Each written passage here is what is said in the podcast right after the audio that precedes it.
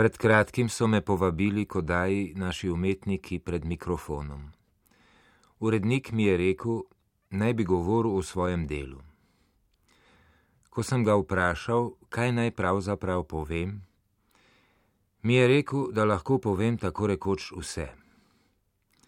Premišljal sem o tem in prišel do sklepa, da vsega pri najboljši volji ne morem povedati in da potem takem povedati vse pomeni enako kot povedati nič. Seveda človeka mikajo skrajnosti. Rad bi bil popoln, scela, nerazdeljen, torej vse ali nič. Naša človeška mera, po kateri edino lahko živimo, pa je drugačna. Na sredi smo. Nič ali večnost nista v dosegu naših čutov živimo lahko le svoj kompromisni nekaj. Kot za vsako človeško delo, velja to tudi za umetniško ustvarjanje, ki je zgolj, kot je tako neprekosljivo povedal Preširen, sled sen Cezarje on stranske glorije. Tako ostaja tudi meni na razpolago za to oddajo, ta nepopolni in hkrati zelo raztegljivi nekaj, katerega dodatna neprijetnost je v tem, da je treba iz njega nekaj izbrati. Če človek ni ravno od včeraj in ne gleda v svet kot nedolžno enodnevno jagnje, potem najbrž nobena misel, ki jo izreče, ni čisto nova. Tako tudi to, kar sem ravno kar povedal, ni moj najnovejši preblisk.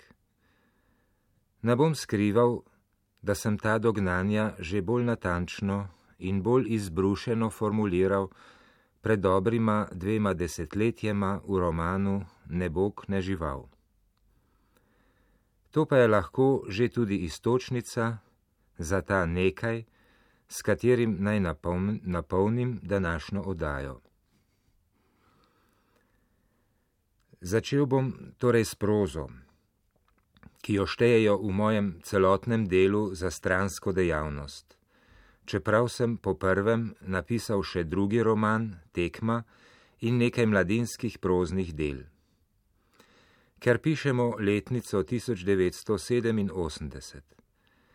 Ne bi bil rad neaktualen, saj je moja zadnja pesniška zbirka Labrador izšla pred dobrimi desetimi leti, medtem ko se je moja stranska dejavnost prav letos dopolnila z novo bibliografsko enoto, namreč s knjigo novel Iskanje Katarine.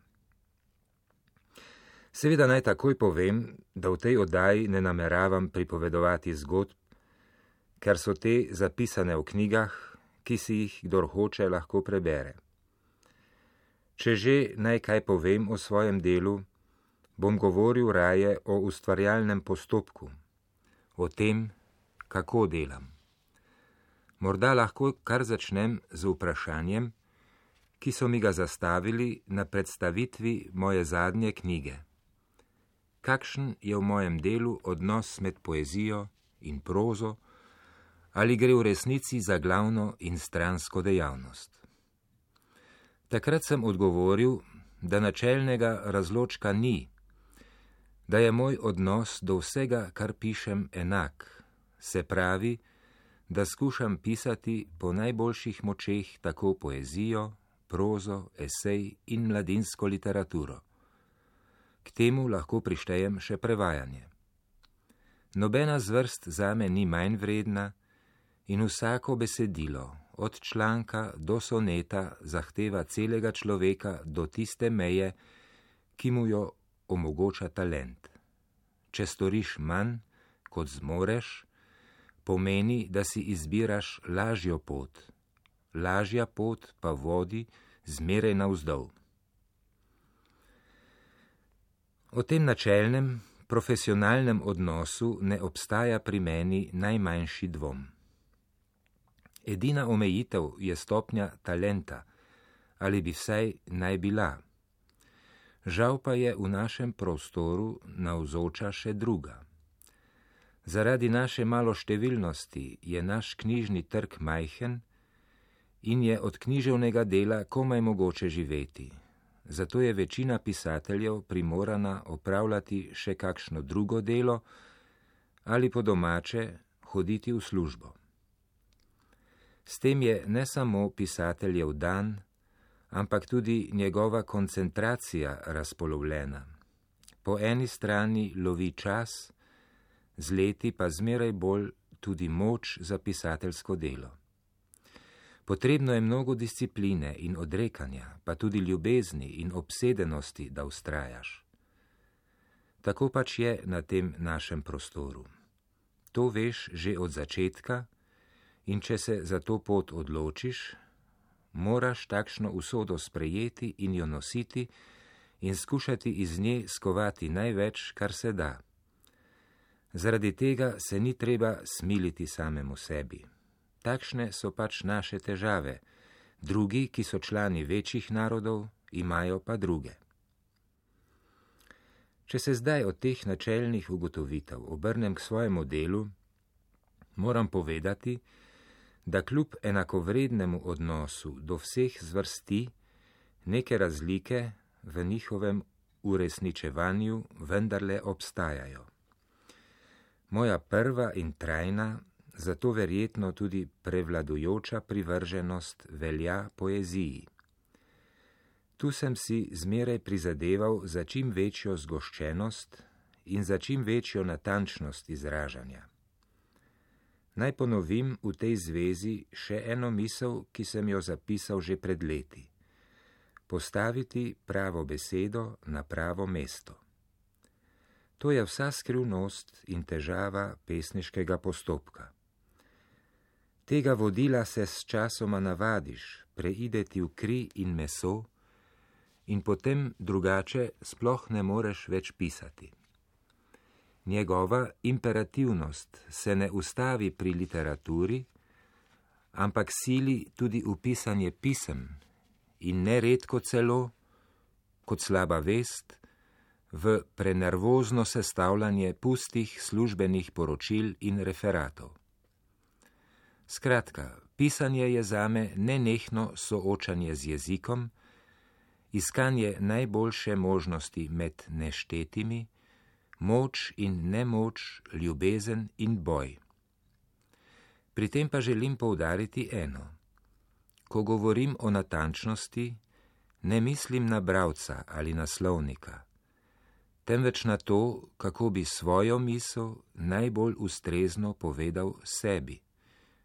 Čim bolj se mi to posreči, tem več ima potem od nje tudi bralec, seveda takšen, ki je naravnan na mojo valovno dolžino. Zgoščenosti in natančnosti me je torej pripeljalo pisanje poezije. Lahko pa bi rekel, da sta mi ti lastnosti povzročali in mi še povzročata težave pri proznem delu. V nekem intervjuju sem povedal, da naj bi proza predstavljala zgovornejši del mojega bitja. V njej naj bi se v nasprotju z liriko ki je globinska naravnanost na eno samo točko, uresničevala želja po pripovedovanju zgodb, po epskem videnju reke časa. Mogoče se je ta želja porodila takrat, ko sem med vojno v jesenskih večerjih poslušal strice, ki so govorili o svojem življenju. Žal se večine teh zgodb zdaj več ne spominjam, ker si jih nisem zapisoval, Moj spomin pa, ki se je dolga leta nagonsko prilagajal liričnemu izražanju, je vse nebistvene, v tem primeru fabulativne prvine, izločal in tako sta se v njem ohranila zgolj občutje in ozračje takratnih jesenskih večerov. S tem pa se želja, da bi tudi sam postal pripovedovalec, nikakor ni izgubila. Z nekaj napora sem jo z dosedanjimi proznimi knjigami vsaj deloma uresničil. Kot že rečeno, pa mi je pri tem nekaj težav povzročala lirika, ki me je silila k temu, da bi tudi stavke oblikoval tako natančno kot verze, hkrati pa mi je kar naprej rezala in krčila zgodbo.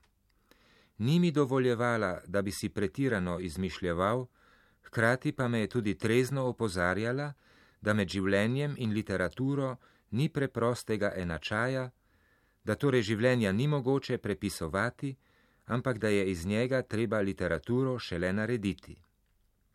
To so vedeli že moji strici, ki so svoje zgodbe pripovedovali tako, da so bile lepše, bolj učinkovite in bolj verjetne.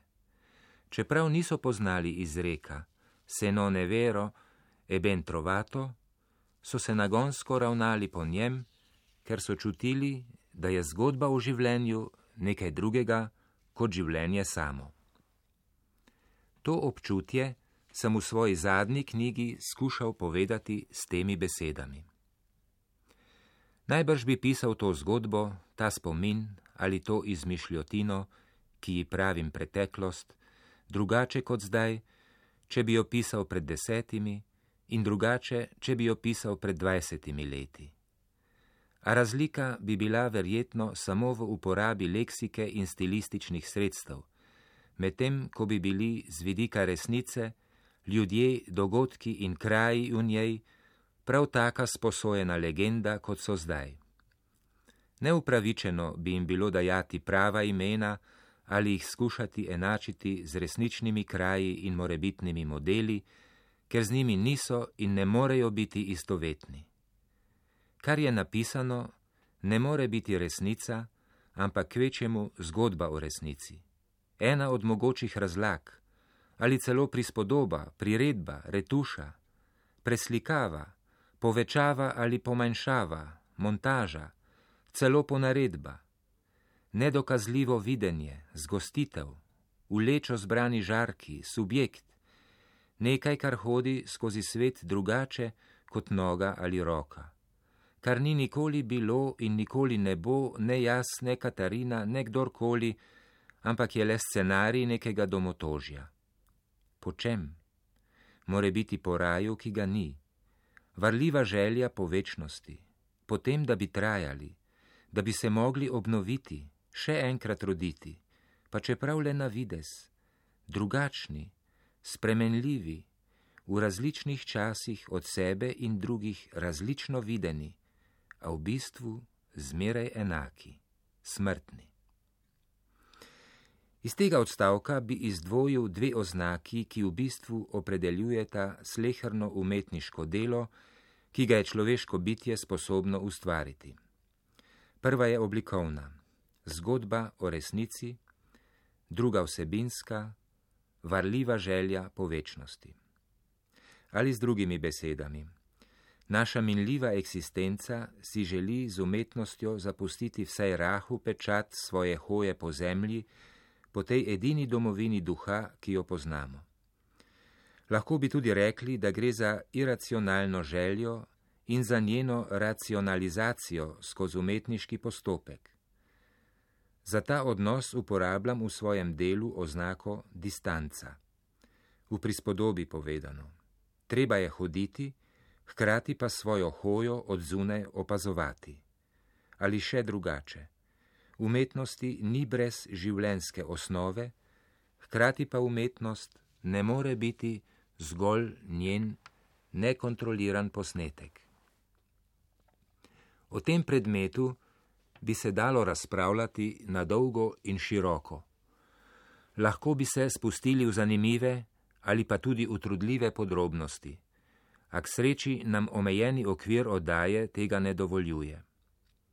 Mislim, da v umetniškem ustvarjanju več od vsega velja izkušnja.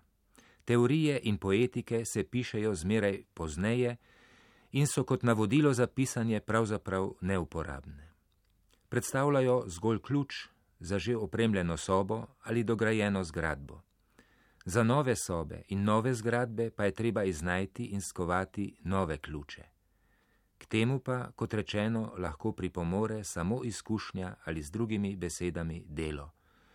To je zelo preprosto in zelo resnično povedal francoski kipar Roden. Treba je delati, delati, samo delati. Zato bo najbolj prav, če tudi jaz s tem razpravljanjem končam in se vrnem k svojim še ne napisanim pesmim, zgodbam, pravljicam, esejem in prevodom. V glavi imam celo vrsto skoraj knjig, nekaj jih imam tudi že skoraj napisanih, vendar se zmeraj težko pripravim, da jih napišem do konca. Včasih se namreč sprašujem, ali se more biti ne oklepam preveč krčevito vodila postaviti pravo besedo na pravo mesto. Ali je to sploh mogoče? Ali ni tudi to zgolj ena izmed varljivih želja? A tak obrazec ravnanja pač nosim v sebi. Na vse zadnje ni nič narobe z njim, razen da zahteva zelo dosti časa. Tega pa imam, žal, zmeraj manj.